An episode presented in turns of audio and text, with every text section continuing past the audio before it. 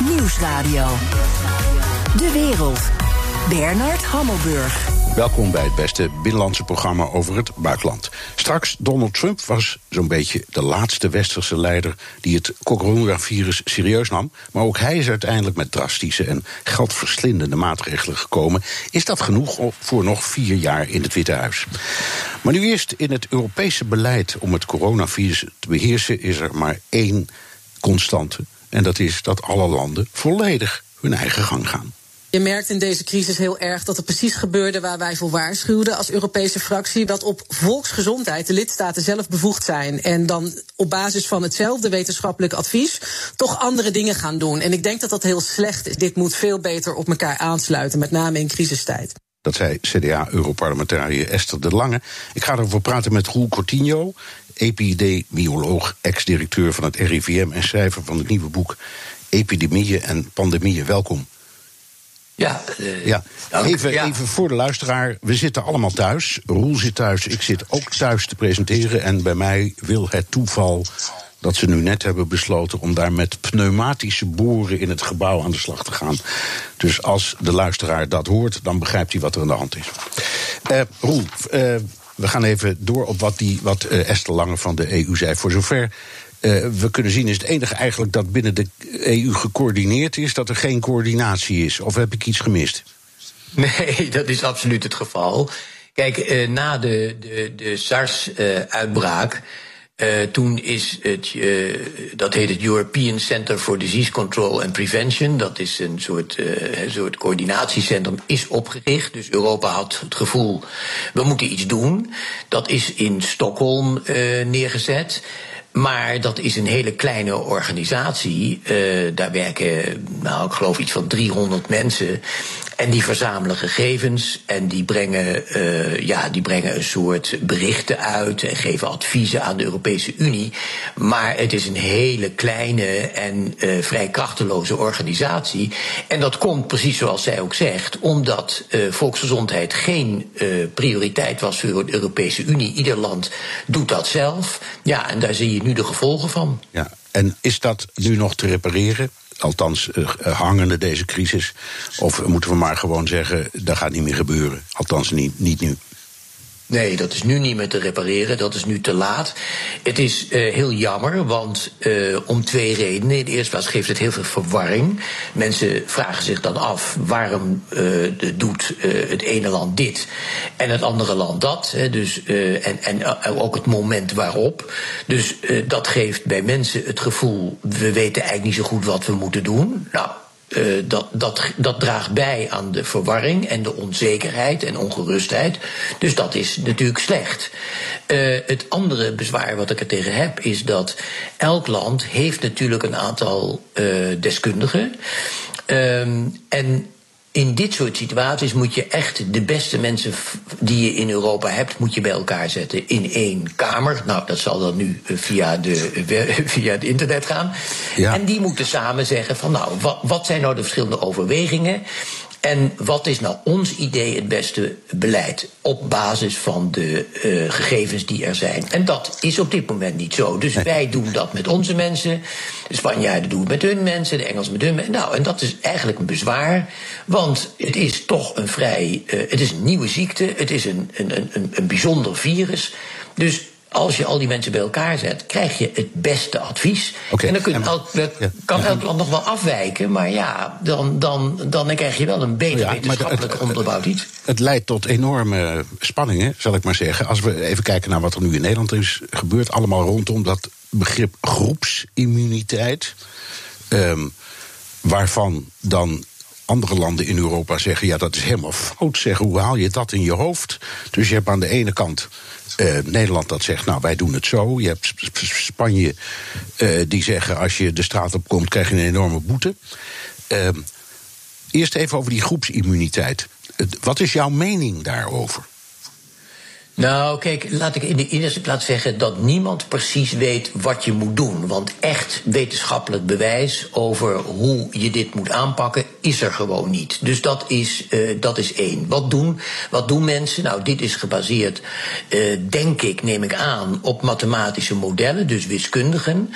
En die modellen zijn natuurlijk uh, altijd wel goed, maar de aannames, daar gaat het om. En de vraag is natuurlijk, bijvoorbeeld heel simpel, hier wordt aangenomen dat als je één keer dit virus hebt doorgemaakt, dat je dan voor de rest van je leven, of in ieder geval voor jaren, beschermd bent. Nou, we weten eerlijk gezegd helemaal niet of dat zo is. Nee, sterker nog, in eh, Amerika. Ik sprak gisteravond nog iemand in Amerika die met deskundigen had overlegd. En die zeiden: dat is helemaal niet waar. Je kunt het zo weer krijgen.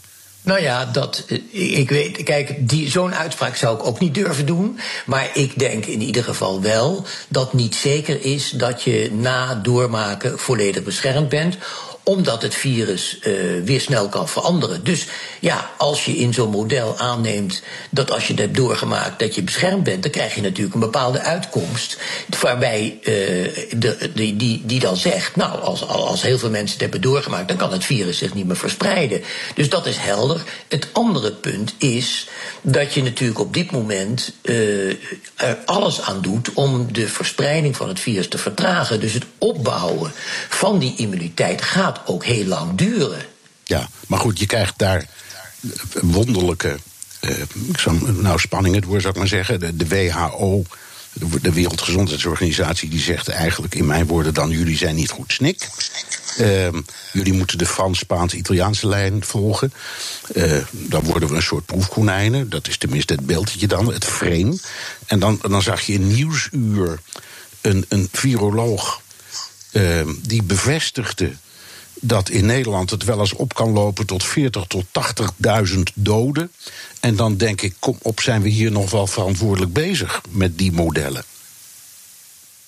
Ja, nou ja, weet je, ik wil, ik, heb, ik, ik wil me eigenlijk een beetje verre houden van deze discussie, omdat uh, ik ook niet, kijk, al dit soort mededelingen ook in de media dragen nou ook niet bij tot, uh, tot wat je nou wel moet doen. Ik bedoel, ik vind dat uh, de, de, hele media zijn er voortdurend mee bezig. Er komen allemaal mensen die daar een verhaal hebben, iedereen op zijn eigen gronden. Ik vind niet dat je in de media nou moet gaan, gaan bepalen hoe het beleid moet zijn. Het is niet, het is, het soms denk ik van, het lijkt wel alsof we het, uh, alsof we het over voetballen hebben. Dan weet ook altijd iedereen precies van wie in voor moet staan en wie achter en wie moet de keeper zijn en, enzovoort, enzovoort. En dat denk ik, ja jongens, laten we nou niet overdrijven. Dat, heeft, dat soort discussies heeft in de media eigenlijk weinig bijdrage. Ja, maar het komt omdat iedereen zich vastklampt aan de deskundigen. Dat doet uh, bijvoorbeeld uh, premier Rutte ook in het debat zoals dat uh, de afgelopen dagen is gevoerd. wij, wij, wij, gaan af op onze deskundigen. Maar mijn indruk wordt steeds duidelijker dat de deskundigen het eigenlijk helemaal niet precies weten. En misschien, om het maar op een manier te zeggen, op dit punt gewoon niet deskundig zijn of nog niet deskundig zijn. En dan moet je toch misschien zeggen, ja, dan moeten we misschien allemaal even zwijgen totdat we er wat meer van weten. Nou, ik denk dat mensen zijn heel deskundig, uh, bijvoorbeeld op het gebied van modellen. Mensen zijn heel deskundig op het gebied van de virologie. Mensen zijn heel deskundig op het gebied van de epidemiologie en de bestrijding. Maar de simpele kwestie is, je hebt hier met een nieuw virus te maken. En we hebben zo'n situatie in de wereld nog nooit gehad. En dat betekent dat je er gewoon heel veel onzekere factoren zijn. En dat zie je nu. Ja, maar dat wordt op die manier te weinig benadrukt. En iedereen, de politici, ook journalisten, ehm, de deskundigen die we zien en horen, die, die, die, gaan, ja, die, die stralen allemaal een soort overtuiging uit alsof ze het weten. En wat ik hier nu uit voel is, ja, maar dat is helemaal niet waar. Ze weten het niet, of we weten het niet. Is het dan niet beter, ook tegenover het publiek, om dat gewoon te zeggen? We weten het niet. Nou ja, kijk, ik, ik, ik, kan, ik denk dat een van de allerbelangrijkste dingen is bij uh, deze situatie dat alle gegevens die er zijn, dus die verzameld worden, bijvoorbeeld over is iemand nou wel of niet, uh, heeft, is die beschermd de volgende keer, dat soort dingen moeten we zo snel mogelijk verzamelen en ook zo snel mogelijk in de wereld beschikbaar stellen en zorgen dat we dat gebruiken. Dat is alles wat we kunnen doen. Er is in deze situatie geen absolute manier om het probleem aan te pakken. Dat weet iedereen. Opvallend is wel dat de hele krachtige maatregelen die ze dus in een aantal Aziatische landen nemen, die lijken succes te hebben. En de vraag is: kunnen wij dat dan niet ook? Nou ja, dat is een legitieme vraag. Maar als je tegen mij zegt: wat vind je nu dat er moet gebeuren? dan zou ik ook niet nu gaan zeggen: nou, er moet dit en er moet dat. Ik uh, denk dat uh, de, het feit dat mensen daar verschillende oordelen over hebben, geeft aan dat op dit moment de kennis niet voldoende is om te kunnen zeggen welk beleid het beste is. Ja, en dan nog, nog zo'n dingetje over die kennis. Iedereen gebruikt dat statistiekje, hè, dat, dat bekende beeld met die piek, die Gauss-curve met die enorme piek. En het Nederlandse model wat verder uitgespreid en wat, hoog, wat minder hoge piek. Wie zegt dat dat model klopt? Ja, we, we roepen dat allemaal tegen elkaar, maar is het waar? Ik, ik, dat weet ik niet. Kijk, modellen zijn buitengewoon belangrijk uh, in, de, uh, in de epidemiologie, in de verspreiding van ziekten. Maar ze zijn gebaseerd op bepaalde aannames. En nogmaals, modellen zelf, die zijn wiskundig, zijn die natuurlijk fantastisch. De vraag is alleen of de aannames correct zijn. Ja. Nou ja, um, ik, ik, weet niet, het is niet geruststellend, maar in geval wel duidelijker, vind ik, om het op deze manier te stellen. En dan nog wat. De ene politicus en de ene viroloog zegt uh, dat groepsimmuniteit bestaat. De andere politicus en de andere viroloog zegt dat is zelfmoord. Sluit het land af. Vinden we het, moeten we het dan raar vinden dat mensen gaan hamsteren? Want iedereen roept, ga niet hamsteren. Maar ik denk, ja, ik begrijp het best. Nou ja, ik, ik, ik begrijp dat ook. Ik was natuurlijk ook uh, bij uh, de supermarkt. En uh, ik moet zeggen, hier valt het bij mij, in mijn dorp valt het eigenlijk allemaal nogal mee. Nou, bij mij niet hoor. Bij mij, ik, oh. zit, ik zit midden in, in, in, bij een van de grootste Albert Heijn filialen. Um, die er zijn. En dat is echt voor een groot deel leeg. Dus hier valt echt. Hier zie je echt waar we over horen. Ja, nou ja, dat zijn natuurlijk reacties, uh, ook begrijpelijke reacties uh, van mensen. Uh, ik, ik, ik zie dus nog wel, ja, vooral het merkwaardige, dat wc-papier. Dat begrijp ik helemaal niets van. Want ja, wat is, waar is dat nou toch eigenlijk Nou ja, omdat je misschien denkt, als ze allemaal ongelijk hebben en um, we, we gaan wel in een lockdown voor twee maanden of zo, dan kunnen we misschien ook niet meer naar de supermarkt. Ja, ja maar is... we, hebben toch, we, hebben toch, we hebben toch een krant? Ja, ja zo is het. Ja, ja dat zei, ik bedoel, wat, denk je dat, dat er in de oorlog werd gebruikt? Ik bedoel, uh, dan denk je toch, nou, dat is toch. Ik, ik, maar goed, hoe het ook zij, ik, ik, ik denk dat er een, een natuurlijk door ook de tegenstrijdige berichten in de media en het gebrek aan zekerheid, wat nou eenmaal zo is, dat is gewoon zo. Ja. Dat geeft ongerustheid bij mensen. En dat is ook begrijpelijk. Dus er wordt een soort, ja, er is het gevoel van, ja, wat gaat er gebeuren? En dat geeft uh, bezorgdheid. En bij sommige mensen ook gewoon uh, angst. Uh, en dat, dat verklaart natuurlijk ook het gedrag. Ja. Even over die, die, die, die landen die wel hebben besloten om eigenlijk de hele samenleving af te sluiten. België tot op zekere hoogte, Spanje, Frankrijk. Zo'n volledige lockdown, hoe lang moet je dat doen? Ja, nou ja, ook daar uh, is het, kan, kan, ik niet zeggen. Dat weet ik gewoon niet. Want uh, in feite is, is dit er allemaal berust erop dat het is een virus wat van mens op mens overdraagbaar is. De overdraagbaarheid is niet zo groot. Mensen denken, oh, krijg dat meteen. Zo is het niet. Je ziet eigenlijk voornamelijk verspreiding binnen uh, het gezin, dus in de, in de eigen groep, door nauw contact. En uh, de meeste mensen, in de meeste situaties, zie je dat er gemiddeld de één, één patiënt die infecteert misschien twee anderen, misschien tweeënhalf. Dat is dan de uitrekening. Maar het probleem is dat er af en toe dus mensen zijn die het virus gemakkelijker verspreiden. En dan, ja, dan heb je opeens een, een soort cluster.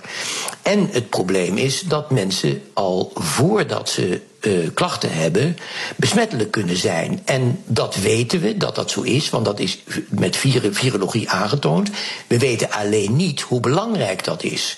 het kan best zijn dat verreweg de meeste besmettingen wel degelijk pas optreden op het moment dat mensen uh, ernstige klachten krijgen. Dat betekent dus ook dat wanneer je kijkt, al die maatregelen zijn er allemaal op gericht dat je. Uh, als je minder contact met elkaar hebt, heb je ook minder verspreiding van het virus. Zo simpel is het. Daar hoef je geen wiskundige voor te zijn. Nou, en, en, en hoe minder contact, hoe minder uh, uh, verspreiding. En dan kan het dus uh, afnemen en uitdoven. Dat is theoretisch, is dat denkbaar. De vraag is alleen, waar ligt precies die grens? Dat weet niemand. Nee. Mijn gast is Roel Cortinho, epidemioloog. Ik struikel altijd over het woord, sorry. Epidemioloog en ex-directeur van het RIVM. En schrijver van het boek Epidemieën en Pandemieën. Serbia's president has praised China for helping in the battle of the new coronavirus. Alexander Vucic thanked China for its help and accused the European Union of abandoning his country by restricting exports of protective equipment. On Sunday, Vucic told the nation that European solidarity did not exist and said only China could help Serbia. De premier van Servië zegt dat de Chinezen ons maar ze moeten komen redden, want de Europeanen, daar moet je het niet van hebben. Zouden we daar inderdaad gewoon naar moeten luisteren, dat soort tips, ideeën? Klopt dit? Nou, dat kan ik gewoon niet beoordelen. Wat je wel ziet is dat ieder land natuurlijk uh, probeert om het zo goed mogelijk in eigen land te regelen. En dat, dat begrijp je ook heel goed. En waar we natuurlijk mee zitten is dat heel veel uh, materialen uh, niet hier gefabriceerd worden, maar elders. Dat is de wereldhandel. En heel vaak ook in China. En, en, en ja, op het moment dat de, uh, de mondkapjes allemaal uit China komen en niet meer geleverd kunnen worden, dan hebben we een probleem. En dan gaat elk land zeggen: ja, wat ik heb, dat ga ik zelf gebruiken. Dat is ook begrijpelijk, want anders heb je geen bescherming meer in de ziekenhuizen. Dus dat soort dingen doet zich voor. Uh, en dat, dat zie je voor je ogen gebeuren. Ja. Nou, even over de, de, de Wereldgezondheidsorganisatie. Na de SARS-crisis, dat, dat is 15 jaar geleden, tekenden alle 193 leden daarvan een bindend verdrag. Waarin ze hebben vastgelegd dat die organisatie in volgende gevallen een soort regie zou nemen inclusief, ik zal maar zeggen, protocollen en instructies. Nou zei premier Rutte, ja, daar houden we ons precies aan. Maar als je het mij vraagt, is daar, komt er helemaal niks van terecht. Waarom eigenlijk niet? Ja, maar die regels, dat was eigenlijk vooral voor het melden van nieuwe ziekten. Hè. Dus dat is. Kijk, de SARS-crisis was eh, eh, toen die uitbrak in, in, in China in 2002. Toen hebben de Chinezen het in eerste instantie niet gemeld. En die zeiden achteraf, maar dat was ook helemaal niet nodig, want er staan alleen maar bekende ziekten op. En toen is, na veel internationaal overleg, gezegd: nee, je moet alles wat bijzonder is, dus dat is een infectieziekte, maar dat kan ook een biologische dreiging zijn, of een, of een chemische ramp die, die, van, die van belang is voor de dat moet je eigenlijk direct melden. Dat is eigenlijk de inhoud. Maar over de bestrijding zijn geen afspraken gemaakt. Nee, dus, dus het idee dat er een soort protocol of instructies zijn, dat is, dat is onzin. Nou, er is geen protocol over hoe je dit soort dingen moet bestrijden. En dat, nogmaals, dat, dat kan er ook niet zijn, omdat dit een nieuwe situatie is. En uh, je dus niet exact kunt zeggen: dit is wat, precies wat je moet doen. Dat weten we bij andere ziekten uh, wel, als je bijvoorbeeld ervaring mee opgedaan hebt. Kijk maar naar de ebola-crisis. Daar weet, wisten we eigenlijk veel en veel meer van. Daar wisten we precies hoe het werd overgedragen. Daar wisten we precies hoe je dat kon voorkomen. Ja, hier weten we dat niet. Nee. En maakt het, dat maakt het bijzonder ingewikkeld. Ja, en, en dit blijkt bovendien ook nog door lucht te gaan. Niet alleen ja. door aanraking. Dat, dat, dat, ja. dat is eigenlijk nieuw, hè? Dat wisten we een paar weken geleden nog niet. Nee, dat, dat, dat, wisten we wel. Dit, dat dit door de lucht gaat. En dat maakt het ook natuurlijk uh, bijzonder moeilijk. Want we weten allemaal dat ja, uh, als je een ziekte hebt die je door aanraking kunt krijgen. of door seksueel contact, zoals bij HIV-AIDS. dan kun je dat vermijden. Via de lucht is het niet altijd te vermijden. Want ja, uh, je zit in een gezin, je hebt kinderen je, enzovoort. Dus je, dat, dat is niet altijd te doen. Nee, nee. En daar nee. en dan heb je, je, kunt, wel nee, handen, nee, handen, tenzij we besluiten ja. om een maand of zo niet in en uit te ademen. maar dat wordt heel lastig. Dat wordt heel erg lastig, ja. Uh, uh, nog even over die uh, Wereldgezondheidsorganisatie. Omdat in het, het, debat in de Tweede Kamer ging het daar ook een aantal keren over. Klachten tegen premier Rutte. U houdt er dan niet aan. Rutte die dan zegt, je wel hoor, we houden ons er precies aan. Maar als ik jou begrijp, dan is er helemaal niks om je aan te houden in dit geval. Want er zijn geen protocollen of voorschriften. Dus die hele Wereldgezondheidsorganisatie is wat dat betreft voor ons niet zoveel van belang in deze omstandigheden. Nee, ik denk dat de Wereldgezondheidsorganisatie wel uh, van groot belang is, met name voor landen met, met zwakke gezondheidszorgsystemen. Daar, omdat ze kunnen helpen, bijvoorbeeld om te zorgen dat daar laboratoria zijn die de diagnose kunnen stellen. Want dat is natuurlijk buitengewoon belangrijk, zo snel mogelijk. Maar voor westerse landen helpt dat niet. En hadden we het moeten hebben van een krachtig uh, Europees centrum voor ziektebestrijding. Ja, en dat hebben we niet. Dat hebben we ook niet. Nee. Dat hebben, nou ja, dat hebben we wel zo'n centrum, maar het is niet stevig en krachtig genoeg. Het is niet. Uh, en dat, en ja, ik denk achteraf dat ongetwijfeld iedereen zal zeggen: dat moeten we nu anders gaan doen. Maar ja, daar hebben we nu niet zoveel aan. Nee. Uh, dan nog even de Amerikanen. Uh, die hebben de Centers for Disease Control in Atlanta. Uh, heel beroemd, groot instituut. maar ook in Amerika loopt het uit de hand. Is dat nou omdat dat CDC zijn werk niet goed heeft gedaan... of door die koppige, hardleerse Trump? Nou, ik weet niet precies hoe de discussie is gegaan. Uh, Center for Disease Control is een zeer sterke organisatie. die overigens wel nogal wat eh, bezuinigingen te verwerking heeft gekregen. omdat met name de, de, de conservatieve uh, administraties. niet zo gecharmeerd waren van de manier waarop ze dat aanpakten. Dus die hebben behoorlijk wat moeten inleveren. Maar ze hebben ontzettend veel kennis. Maar ook daar uh, is het uiteindelijk natuurlijk de politiek die bepaalt wat er gebeurt. En Amerika is ook gedeeltelijk heel decentraal georganiseerd. Dus uh, ook daar is het helemaal niet makkelijk om te denken wat je precies moet doen in deze situatie. Nee, nou eigenlijk lijkt het erg op Europa. Dat vergeten mensen wel eens. De federale regering, dat kun je vergelijken met Brussel hier. Die federale regering heeft niet zo heel veel te zeggen. Het zijn de staten zelf die het moeten doen. Ja, zeker. En, en, en het, het, voordeel is wel dat. Kijk, in elke staat, zelfs ook elke stad, heeft haar eigen GGD. Hè, die zijn wisselend van kracht. En die roepen in het algemeen, als zij een probleem hebben, roepen ze de hulp in van dat uh, centrale Center for Disease Control. Maar hier ja, zie je natuurlijk ook dat, dat, dat in feite er beslissingen worden genomen. Omdat er onzekerheid is, krijg je ook ruimte voor politiek verschillende beslissingen. En dat maakt het extra lastig en on onoverzichtelijk. Nog, nog even een vraag over misschien veel meer geïnfecteerden dan wij denken. Toen wij twee weken geleden met elkaar spraken, toen zei jij al dat gaat op een moment gebeuren. En dat hoeft niet noodzakelijkerwijs zo slecht nieuws te zijn, omdat dan de mortaliteit daalt. Dus als er veel meer mensen blijken besmet te zijn, dan is het percentage daarvan dat overlijdt misschien lager. Is dat nu ook iets wat je ziet komen of gebeuren? Daar durf ik nog niks over te zeggen, omdat er uh, op dit moment nog te weinig gegevens zijn over mensen die wel de infectie doormaken, maar daar geen of nauwelijks klachten van hebben. Dat lijkt het geval te zijn bij kinderen. Uh, maar uh, de testen die wij op het ogenblik gebruiken, dat zijn testen waarbij je aantoont of het virus zelf aanwezig is. En als iemand heel weinig klachten heeft, dan kan dat maar heel kort zijn en toch iemand besmettelijk zijn. Nou, eh, dan moet je andere testen hebben die kijken naar de aanwezigheid van antistoffen. Die ontwikkelt het lichaam als je uh, zo'n infectie hebt doorgemaakt. En die testen zijn er nog niet. En die worden natuurlijk met grote snelheid ontwikkeld. En, uh, maar ze hebben ze nog niet. En de testen die we wel hebben, daar doen de uitslagen er vrij lang over. Dus dat maakt het ingewikkeld. Ja. Ik moet uh, tenslotte de vraag stellen: het kan niet anders, het spijt me. Hoe lang gaat het duren, Roel? Ik heb geen idee. Nee. Maar denk je zelf, weken, maanden, jaren? Ik las, ik las in, in, op een Amerikaans persbureau dat ze het al hebben over anderhalf jaar.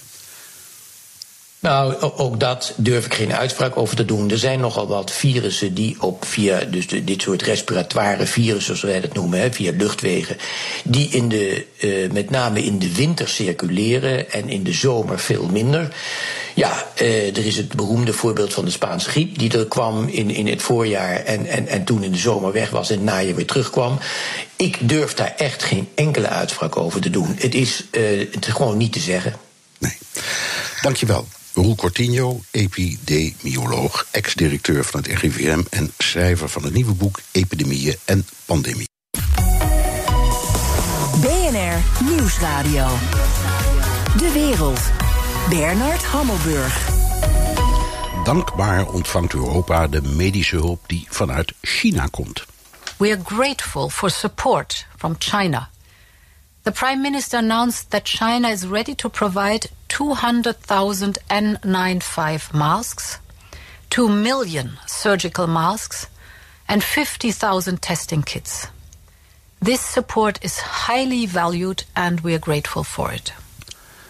Mondkapjes en testen stromen vanuit het Verre Oosten naar Europa. Hulp die de EU hard nodig heeft, nu niet China, maar ons continent het epicentrum van de corona-uitbraak is. Europa-verslaggever Jesse Pinster, ze hebben al dat medische materiaal dus niet meer nodig in China. Nee, de tijdelijke ziekenhuizen die gaan daar al deels dicht. Er zijn nog nauwelijks nieuwe besmettingen. Hoewel je daar altijd bij moet uh, aantekenen... dat dat natuurlijk ook afhankelijk is van hoeveel testen je werkelijk uh, uitvoert. Maar ja, nee, de hulp lijkt op gang te komen. Volgens uh, von der Leyen is dat toch vooral een wederdienst... omdat er een hulppakket van de EU begin dit jaar richting China ging. Gisteren zijn er 300 intensive care artsen in Italië aangekomen. Daar gaat hulp naar Griekenland, Frankrijk, Bulgarije, Slovenië, Cyprus Luxemburg hebben al uh, uh, hulp aangevraagd. En tegelijkertijd is er geen export meer van hulpgoederen vanuit de EU naar andere landen. Tot irritatie van uh, Servië, zoals jij eerder in de uitzending al besprak. Ja, ja. Gaan er ook Chinese hulpgoederen naar Nederland? Ja, via KLM uh, zag ik dat er wat uh, was gekomen. 20.000 mondkapjes, 50.000 handschoenen. En die komen dan van de Chinese partners van de luchtvaartmaatschappij. Dus China Eastern Airlines bijvoorbeeld. En dat uh, wordt dan allemaal weer doorvervoerd naar het Erasmus ziekenhuis. Er komt ook wel wat vlak over de grens aan. In, op het vliegveld van Luik afgelopen vrijdag. Een half miljoen mondkapjes van Alibaba, het grote bedrijf. De, de, de Chinese Amazon. Hetzelfde bedrijf heeft ook dinsdag nog naar Saragossa een vliegtuig gestuurd. Dus je ziet dat ook het Chinese bedrijfsleven nou ja, een, een, een, handje probeert te helpen. Hoewel die grens tussen staat en private ondernemingen natuurlijk wat diffuus is in ja, China. Ja. Amerika, mag ik aannemen, hoeft niet te rekenen op hulp uit China. Mm, je kan bijna niet voorstellen, zolang eh, Donald Trump blijft roepen dat het om een Chinese virus gaat. Nou was China ook voor uh, Europa lang een rivaal. Zo hadden ze het echt benoemd. Dat is allemaal een beetje naar de achtergrond beland op dit moment. Was juist een onderwerp wat ze eind deze maand op een top zouden bespreken. Nou, die top die gaat ook helemaal niet door. Maar ja, die verhouding met Trumps Amerika, die is ook, ook vanuit Europa natuurlijk niet goed. Eerst had je het inreisverbod wat er kwam.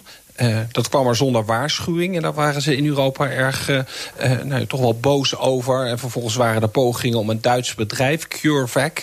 die bezig zijn met een vaccin eigenlijk een beetje naar Amerika te lokken. Dat hebben ze maar snel 80 miljoen vanuit Brussel overgemaakt... zodat het bedrijf gewoon lekker netjes in, in, in Tübingen blijft zitten in Duitsland. Ja. Is dit allemaal ook een beetje een Chinese PR-campagne?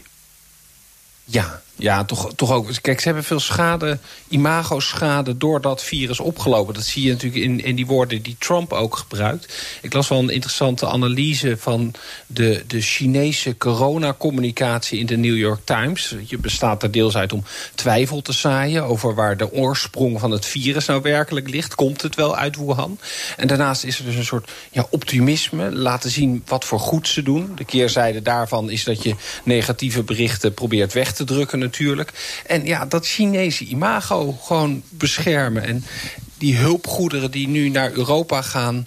die vallen toch echt in die, die laatste twee categorieën. Dat ze proberen te laten zien... kijk, wij zijn de helpende hand in deze crisis... en niet meer de bron van deze crisis. Dus nee, het is zeker ook een, een, een deel daarvan is communicatie. Dankjewel. Europa-verslaggever Jesse Pinster. De Donald Show. Tijd voor een update uit de United States of Trump... met onze correspondent in Washington, Jan Postma. Jan, Trump heeft de afgelopen dagen, wat je noemt, een draai gemaakt met corona... en Fox News draait met mee. Ja, en ik was wel eh, benieuwd, Bernard, wat er daar nou precies zou gebeuren. Dus ik heb de hele week extra Fox News gekeken. En uh, ja, daar nam in eerste instantie eigenlijk niemand uh, het, heel serieus. Hè. Ze volgden Trump daarin en, en vonden het meer een soort griepje. En zagen het ook net als Trump als, als een wapen voor de Democraten. Wat, iets wat gehyped werd. Dit is bijvoorbeeld Trish Regan van Fox Business. The hate is boiling over. Many in the liberal media using, and I mean using coronavirus in an attempt to demonize and destroy the president. En wat zij hier zegt is eigenlijk wat andere presentatoren op dat moment ook zeiden. Het, is wat de, de, president ook precies zei. Hè? Maar toch, op, op, vrijdag was er ineens toch iets veranderd bij uh, Fox News. Ook de Trump die kondigde toen een noodsituatie aan. En toen werd zij ineens op non-actief gezet. Ja, en vanaf dat moment zag je de toon en de boodschap duidelijk veranderen bij Fox. Ja, ja, zeker. Vooral vanaf maandag. Toen was Trump ook veel serieuzer hè, over de gevaren van corona. Je zag daar echt een shift, echt een verandering. En bij Fox News gebeurde dat ook. Uh, deze week bijvoorbeeld zitten de presentatoren van Fox Friends... Trumps favoriete programma, ineens niet meer bij elkaar op de bank. Uh, die houden nu afstand, social distancing. En ja, roepen de rest van het land op dat ook te doen. En dat is wel een grote verandering. Want een week geleden toen hoorde je nog mensen zeggen... ga gewoon de restaurants in, doe gewoon wat je moet doen... ondersteun steun de lokale economie. Um, nou, Tucker Carlson, boegbeeld van Fox, hè, bekende naam, is uh, uh, ook ineens helemaal anders. Die, die is bijvoorbeeld heel kritisch op mensen die corona bagatelliseren. En hij, hij zou het hier zelfs wel over de president kunnen hebben. People you trust, people you probably voted for, have spent weeks minimizing what is clearly a very serious problem. It's just partisan politics, they say. Calm down. In the end, this is just like the flu, and people die from that every year. Coronavirus will pass, and when it does, we will feel foolish for worrying about it. That's their position. En hij zegt dan nog, ja, deze mensen bedoelen het misschien niet verkeerd. Misschien letten ze niet op, misschien willen ze niet ja, door die corrupte media een loer gedraaid worden. Want ja, corrupt is die media, zegt hij. Uh, of misschien komt het wel gewoon omdat ze de verkiezingen niet willen verliezen. And there's an election coming up. Best not to say anything that might help the other side. We, we get it. But they're wrong. The Chinese coronavirus is a major event. It will affect your life. And by the way, it's definitely not just the flu. En dat zijn natuurlijk allemaal dingen die Trump zelf ook zegt, die je van de Republikeinen ook veel breder hoort. En uh, die Tucker Carlson, die is wel vaker een klein beetje, dat hij net even een andere koers vaart, die is hier dus behoorlijk kritisch. En uh, dat is wel interessant. Het, uh, ja, het is niet zo. Uh, het is niet altijd dat, dat Trump ook Fox volgt. Want als je uh, uh, kijkt, de New York Times bijvoorbeeld schrijft dat Carlson Trump rond die tijd ook sprak op een feestje in Mar-a-Lago. En die vroeg toen Trump om daar alsjeblieft corona serieus te nemen. Dus die, die, die contacten gaan nog steeds beide kanten op. En in dit geval is Tucker Carlson dus iemand die misschien wel de president een beetje heeft geduwd in plaats van andersom. Ja, en hoe leggen ze bij Fox News die draai nou uit aan de kijkers? Ja, dat is wel interessant hoor. Uh, uh, Sean Hannity die, die volgt de Trump-strategie. Die zegt nu net als Trump dat hij het eigenlijk altijd al serieus nam... en dat het eigenlijk nooit anders is geweest. En dat het vooral die vervelende linkse media zijn die het allemaal verdraaien. Um, uh, wat je ook ziet is een, een bepaalde focus in, de onderwerpen. Er wordt weinig gekeken naar wat er nu beschikbaar is op dit moment... aan tests en aan noodvoorzieningen, hoe, hoe het eigenlijk in Amerika zelf gaat. De nadruk wordt echt gelegd op het gevaar uit het buitenland. En dat is precies wat Trump ook doet. Uh, er zijn grote complimenten voor, voor de inreisverboden die Trump heeft ingesteld. En de nadruk wordt gelegd op ja, dat het vooral een probleem van buiten is. Uh, ze hebben kritiek op China. Hè. Als China eerder eerlijk was geweest, dan hadden wij nu niet zo'n groot probleem gehad. En uh, ja, er wordt ook veel gepraat over de kritiek op hoe Trump het virus noemt. Trump noemt het nu het China-virus regelmatig, of het Chinese virus in plaats van coronavirus. Nou, Amerikaanse Aziaten die, die worden daar bang van. Die zijn bang voor represailles voor hun geweld, racistisch geweld. Democraten zijn er boos over. En, en, Fox, die is daar dan weer boos over. En dat is dan het nieuwe onderwerp waarop uh, op Fox News over gepraat wordt. Uh, dus een hele specifieke focus op, op, op, een bepaalde kant van het verhaal. Waardoor eigenlijk ja, de, de, de grote draai van Fox News en van Trump een beetje zo genegeerd wordt. Dankjewel. Jan Postma, onze correspondent in Washington. En wilt u meer horen over dat fascinerende land? Luister dan naar de Amerika-podcast van Jan en mij. Bernard Hammelburg. En we blijven in Amerika. President Trump zag het coronavirus achtereenvolgens als nepnieuws, een Europese blunder, een democratisch complot en uiteindelijk als een groot gevaar. Nu schiet hij het bedrijfsleven te hulp en deelt checks uit aan zijn onderdanen. It's going to go away. We're going to be so good. This is a pandemic. I felt it was a pandemic long before it was called a pandemic. All you had to do is look at other countries. The coronavirus, you know that, right? Coronavirus. And this is their new hoax. We're 15 people in this massive country. And because of the fact that we went early, we went early, we could have had a lot more than that. We're doing great. Our country is doing so great. Ik ga erover praten met Koen Peters, Amerikanist en schrijver van Einddoel Witte Huis en Showtime. Welkom. Ja, dankjewel. Ja, um, Eerst even over uh, de verspreiding uh, en de gevolgen van het virus. In Europa zitten we min of meer allemaal in een lockdown, meer of minder. Is dat in Amerika inmiddels ook zo? Ja, er zijn inmiddels 2500 uh, bevestigde gevallen. En dat is een verdubbeling ten opzichte van afgelopen week. Wat laat zien dat het aantal testen nu toeneemt. En daarmee ook het aantal geregistreerde gevallen. En daarmee ook, laat ik zeggen, de urgentie om dingen te doen. Wat je vooral ziet in grote steden is dat het leven grotendeels tot stilstand is gekomen. Met veel winkels die vrijwillig zijn gesloten. Restaurants en bars die op last van de overheid dicht moeten. Scholen die gesloten zijn. Theaters die niet meer open mogen. Sportevenementen die niet door kunnen gaan. Dus Amerika komt echt tot uh, stilstand. En vooral in de grote steden is dat uh, rechtstreeks te merken. Ja, um, gisteren enorme ophef in Amerika... omdat de beelden kwamen uit Clearwater in, in, in Florida... waar iedereen gewoon op terrassen zit en op het strand ligt. Tot, tot woelen van alle deskundigen. Maar dat betekent dat ook in Amerika niet overal verplichtende maatregelen zijn. Hè? Het is toch vooral advies. Ja, je kunt, uh, zoals die beelden in Florida, jongeren niet uh, verbieden om op het strand uh, te komen. Tegelijkertijd, vanochtend was er nog een interview met de gouverneur van Florida op Fox News. En die gaf aan dat restaurants en bars van gesloten zijn. Dus dat de jongeren daar wel samen kunnen komen, maar eigenlijk niks te zoeken hebben. En de gevaar zijn voor de gezondheid. Ja. Hoe gaan de Amerikanen er in het algemeen mee om? Ik hoor natuurlijk zelf veel van mijn eigen familie. Um, maar uh, ja, dan heb je verschillende beelden. Beheerst, emotioneel, hysterisch. Wat, wat neem jij waar? Nou ja, je ziet wel dat in Amerika een overreactie uh, plaats heeft, maar dat gebeurt al snel. Toen ik zelf uh, in Amerika woonde en er een sneeuwstorm werd aangekondigd, waren de supermarkten leeg en alle scheppen binnen een uur verkocht. Dus je ziet wel dat dat ook een beetje in de volksaard uh, zit. Maar het is op straat. Als je kijkt naar beelden in de grote steden, dan zie je dat niemand meer op straat komt. Mensen werken graag thuis. En uh, in New York is ook de verplichting voor bedrijven om tenminste de helft van het personeel thuis te laten werken. Dus je ziet wel dat in, in, in moordend tempo eigenlijk het leven op straat uh, volledig uh, onzichtbaar wordt. Ja, ja, ja, behalve dan bij supermarkten, daar zie je dan enorme rijen buiten staan. Omdat er maar kleine plukjes tegelijk naar binnen mogen.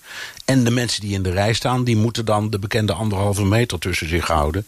Dus dat geeft ja, een heel ridicuul straatbeeld. Ja, dat klopt. Ja, ja.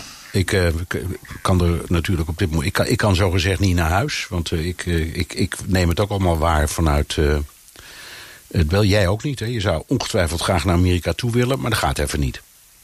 Ja, als het goed is had ik deze week in Amerika gezeten. Maar uh, Donald Trump uh, met zijn uh, mededeling dat er geen Europeanen meer naar Amerika mochten... stak daar een stokje voor. En nu ja. volg ik het vanuit Amsterdam. Ja, nou, ik ben ingezeten, dus ik mag, maar er zijn geen vliegtuigen. Nou, um, zie je verschillen tussen de verschillen, hoe de verschillende bevolkingsgroepen... de politieke partijen, hoe ze reageren en daarmee omgaan met, dit, met deze crisis? Ja, je ziet dat de democratische achterban het wel serieuzer neemt dan de republikeinse. Als je kijkt naar peilingen waarin mensen wordt gevraagd... neem die voorzorgsmaatregelen, dan zie je de democraten dat veel massaler doen dan republikeinen. Voor een deel kan dat uh, worden verklaard door waar die mensen wonen. Democraten wonen veelal in grootstedelijke conglomeraties... en daar zie je dat de maatregelen, omdat mensen hutje-mutje wonen... noodzakelijker zijn... De meeste coronagevallen komen voor in dichtbevolkte staten waar notabene democraten ook aan de macht zijn. Dus dat zal voor Trump ook nog een gelegenheid zijn om de democraten een bijzondere verantwoordelijkheid voor de virusuitbraak uh, te geven. Republikeinen wonen vaak op het platteland, waar mensen minder uh, uh, dicht op de actualiteit zitten, minder dicht op elkaar. En je ziet ook dat de mensen op het platteland, die republikeinse achterban, toch meer waarde hecht aan wat Trump over het coronavirus zegt dan de autoriteiten, omdat het wantrouwen ten opzichte van de overheid heel groot is. Ja. Dus dat zijn zaken waardoor je zelfs op dit vlak een groot verschil ziet tussen democraten en republikeinen. Ja, maar leg dat even uit dan. Wat, wat vinden dan um, de republikeinen, zoals, zoals, jij dat ziet? Mijn, mijn indruk is dat de republikeinse kiezer het in de eerste plaats ziet als een economische crisis en, en, en minder als een gezondheidscrisis. Ja, en dat komt ook omdat veel van die republikeinen op het platteland wonen... waar die intensiteit van die coronagevallen nog, uh, nog minder groot is. Maar ze merken natuurlijk wel direct dat de economie tot stilstand uh, komt. Uh, transport ligt grotendeels stil. op supermarkten na zie je eigenlijk de hele handel ook stilvallen. Midden- en kleinbedrijf valt om. Fabrieken worden stilgelegd. Dat is ook wat het tv-nieuws domineert. en de maatregelen van de overheid zijn ook vooral op die economische sector uh, gericht. Uh, plus een uh, cheque voor alle Amerikanen om noodmaatregelen te nemen en eventueel ook wat zorg in te kunnen kopen. Ja. Trump lachte de, de, de, hele kwestie tot heel voor kort nog weg. We hoorden dat straks ook in dat grappige audiofragment. Heeft dat nou veel schade berokkend aan het proces om, het, om, om deze crisis effectief te bestrijden? Ja, je, ziet wel dat op het moment dat, dat de president, waar toch in tijden van nood al snel naar wordt gekeken als uh, autoriteit, als die zegt, joh, het valt allemaal wel mee. Dat de urgentie in het land om bijvoorbeeld toch handen te wassen, afstand te nemen en de, de, de, de basale voorzorgsmaatregelen te nemen, dat dat uh, wat uh, achterblijft. Maar belangrijker is dat Trump ook vrij traag is geweest in het op gang zetten van bijvoorbeeld de mogelijkheid om veel mensen te testen. Dus toen het besluit werd genomen dat massaal moest worden getest, waren er onvoldoende testkits beschikbaar, onvoldoende laboratoria om die testen ook te kunnen analyseren. Dus daar zie je wel een vertragend effect. En waar Nederland uh, ruim duizend uh, coronagevallen had met een kleine bevolking, had Amerika op datzelfde moment zo'n 1200 geregistreerde gevallen.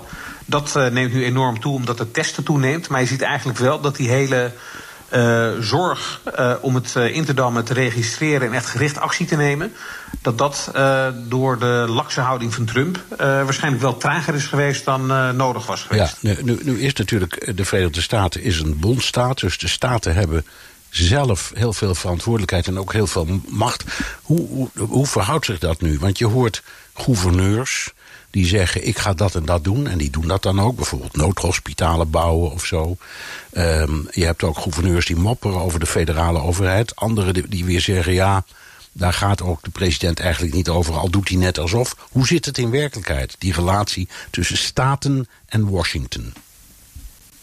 Ja, Amerika, toen het uh, onafhankelijk werd van Engeland, heeft gezegd: wij willen eigenlijk zo klein mogelijk federale overheid, omdat we onze vrijheid die we net hebben bevochten ook zoveel mogelijk aan de burgers willen geven. Dus heel veel verantwoordelijkheden zijn bij staten neergekomen. En dat betekent dat waar Nederland bijvoorbeeld centraal kan zeggen vanuit het kabinet: we sluiten alle scholen. Dat in Amerika dat per staat en voor bepaalde onderwijscategorieën ook per stad moet worden bepaald. En dat is zo'n voorbeeld waarbij Trump zou kunnen zeggen: sluit de scholen maar wel of niet. Maar waarbij uiteindelijk gouverneurs en burgemeesters erover gaan of een school daadwerkelijk gesloten wordt. En daardoor zie je ook best wel veel verschillen tussen staten uh, in de maatregelen die ze nemen. Uh, en kan Trump wel tot dit soort dingen oproepen, uh, maar kan het niet afdwingen. Nee. nu heeft hij in zijn presentatie zeker de eerste dagen dat hij met die dagelijkse persconferenties begon, heel erg de nadruk gelegd op de economie. en uh, die noodmaatregelen, uh, die, die check aan elke werknemer, een belofte om uh, bedrijven te hulp te komen. Ehm, dat was naar mijn gevoel voor de Republikeinse kiezer welkom nieuws. Want die ziet ook wel de markt in elkaar storten, maar die heeft geen aandelen, de gemiddelde kiezer. Dus kun je nu zeggen dat Trump met dit hele pakket zijn hartje heeft gered, politiek? Nou ja, ik denk dat niet zozeer naar de aandelenkoers primair wordt gekeken, maar vooral de gevolgen van de dalende aandelenkoersen. En dat is dat er enorme baanonzekerheid gaat ontstaan. Wat je ziet is dat Trump door de bank genomen uh, bij een, een, een, minderheid van de bevolking uh, op handen wordt gedragen. Zo'n 40, 45 procent, die harde achterban van hem. Maar dat twee derde van de Amerikanen eigenlijk wel heel blij was met het economisch beleid dat hij voerde. En wat met name heel praktisch ertoe heeft geleid dat er een enorme lage werkloosheid was van 3,5 procent. En dat is het laatst in 50 jaar. Wat je nu gaat zien met bedrijven die sluiten waar geen geld meer binnenkomt, uh, is dat het personeel makkelijk op straat komt te staan. Dus die verliezen uh, hun baan, waardoor eigenlijk de reden om nog een keer op Trump te stemmen door onzekerheid toch uh, enorm verzwakt wordt.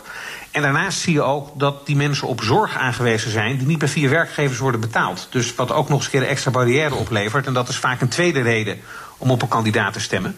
Dus het effect van die dalende economie, die schade aan de economie door corona, betekent dat eigenlijk de achterban die misschien om rationele redenen zou zeggen: ik stem op Trump, nu toch opeens in paniek kan raken en uit uh, die achtergrond op Democraten kan gaan stemmen. Dus Trump zal vooral die werkgelegenheid zo snel mogelijk weer moeten kunnen garanderen, omdat anders de kiezers massaal naar de Democraten kunnen lopen. Ja. En dan is Trump zijn baan kwijt. Dit, dit is eigenlijk de eerste keer dat uh, jij en ik hadden toch de afgelopen tijd het idee van dit is een soort home run voor Trump aan het worden, hè, die herverkiezing.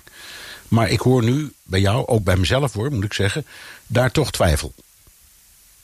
Ja, het is uh, een enorme verandering, een enorme kanteling die je hebt uh, gezien. Hè. Vandaag, donderdag, een week geleden, kondigde Trump aan... Uh, er mogen geen reizen meer vanuit Europa naar Verenigde Staten komen. Toen zag het er allemaal nog voor de rest redelijk relaxed uit... en was het eigenlijk meer een middel om een buitenlands virus buiten de deur te houden... maar de economie gewoon te laten doordraaien, dat goederen wel heen en weer mochten worden gestuurd. Ja, en zeven kalenderdagen later is het land in complete lockdown en uh, ook wel met veel paniek. Met enorme onzekerheid, met name ook op het van werkgelegenheid en zorg. Ja, het was niet te voorzien dat in zeven dagen de wereld zo op zijn kop zou komen te staan. Nee. Nee, het is bijna een soort chaos-theoretische situatie hier die er ontstaat. Door één heel klein dingetje kan de wereld plotseling op zijn kop staan. Um, niet te min Trump heeft altijd een mooie trucendoos. Hij is ontzettend goed aan het geven van de schuld aan anderen. Gaat hij dat nu ook doen? Of zie je dat al?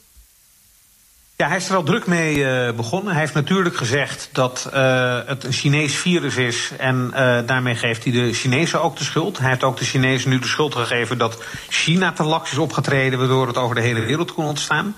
Hij vindt ook dat Europa te traag in gang is gekomen. Waardoor allerlei Europeanen die massaal naar Amerika heen en weer vliegen voor zaken of toerisme.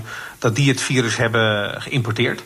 En uh, op die manier probeert hij wel een vijandbeeld te creëren waarbij hij zegt: ja, het is eigenlijk een invasie waar ik niks aan kan doen, in ieder geval niet aan de oorsprong. Uh, ik trek nu alles uit de kast, want uh, ik ben knapper dan alle artsen. Dus ik weet precies wat er moet gebeuren om het op te lossen. Maar het is een schuld van anderen. En dat past wel in zijn America First filosofie en die hele klankkleur die hij zijn campagne en zijn presidentschap heeft gegeven. Of het waar is, is een tweede. Maar wat voor hem vooral belangrijk is, is dat zijn achterban het gelooft. Ja, um, nu de grote vraag is... Uh, de, tegenkandidaat wordt naar alle waarschijnlijkheid Joe Biden. Hè, die heeft zowat de, de democratische voorverkiezingen gewonnen. Hoewel Sanders er nog niet helemaal uit is. Maar is, is Biden krachtig genoeg om dat over te pakken? Ook op dit thema. Vooral omdat de communicatiemogelijkheden en de campagne natuurlijk het heel moeilijk is. Je kunt geen grote bijeenkomsten houden en ga zo maar door. Dus hoe groot is de. Je kunt zeggen, Trump komt in moeilijkheden. Maar omgekeerd, hoeveel voordeel kan Biden hier uithalen? Ja, Biden heeft in ieder geval als voordeel dat hij nu niet verantwoordelijk is. Dus hij kan vanaf de zijkant roepen dat alles anders, beter, massaler, duurder, groter moet. Zoals Trump dat vier jaar geleden ook heeft gedaan toen hij nog geen verantwoordelijkheid droeg. Dus je kunt Gouden Bergen beloven. En in een speech een paar dagen geleden in Wilmington, waar uh, Biden ook woont, heeft hij ook uh, geroepen wat er allemaal anders, beter en groter uh, moet. En ja, dat kan hij roepen als oppositiekandidaat. Dus dat is een voordeel. En dan kan hij gras beloven dat groener is dan in de tuin van Trump. Het tweede wat Biden ook als voordeel heeft, is dat hij uh, veel meer scripted campagne kan voeren. Bij massabijeenkomsten, uh, grote bijeenkomsten waar uh, speeches worden gehouden, maar ook wordt gereageerd op het publiek, persconferenties, dat soort zaken. Kan Biden zich niet vasthouden aan uitgeschreven teksten alleen. En Biden heeft laten zien dat hij enorm veel vergissingen kan maken. Zo noemde hij South Carolina en South Dakota door elkaar. Hij had het over Super Thursday in plaats van over Super Tuesday. Dus ja, hij haalde zelfs zijn vrouw, zijn vrouw en zijn dochter door elkaar. Zijn vrouw en zijn zus door elkaar. Dus zijn zus, ja. je, ziet, je, ja. je, je, ziet dat alles wat niet geregisseerd is, dat Biden daar enorm uh, risicovol uh, moet opereren, omdat hij extreem onhandig is. Ja, media leggen dat meedogenloos vast. En daarmee kan het beeld ontstaan: de man is gewoon te verward om nog president te worden. Maar in de huidige omstandigheden, waar hij eigenlijk vanuit studio's campagne voert, met commercials die opnieuw kunnen worden overgenomen, speeches die worden voorgelezen, uh, debatten waar geen publiek bij zit. Uh, kan hij veel meer vanuit een script, vanuit een voorleessituatie campagne voeren. En dat maakt het voor Biden een stuk makkelijker en minder gevaarlijk. Aan de andere kant zie je dat iemand als Sanders, maar ook iemand als Trump, gedijt bij grote stadions met boze, enthousiaste, gedreven mensen die, uh, die moeten worden opgezweept. En die gelegenheid wordt nu aan uh, Sanders en aan Trump ontnomen. Ja. En dat betekent niet alleen dat Biden sterker wordt omdat het meer scripted wordt, maar dat ook zijn opponenten zwakker worden omdat de punten waar zij juist hun kracht aan ontlenen uh, uit handen worden geslagen. Dank. Koen Petersen, Amerikanist en schrijver van Einddoel, Witte Huis en Showtime. En tot zover BNR De Wereld. Terugluisteren kan via de site, de app, Spotify of Apple Podcast. Reageren kan via een mailtje naar dewereld.bnr.nl. Tot volgende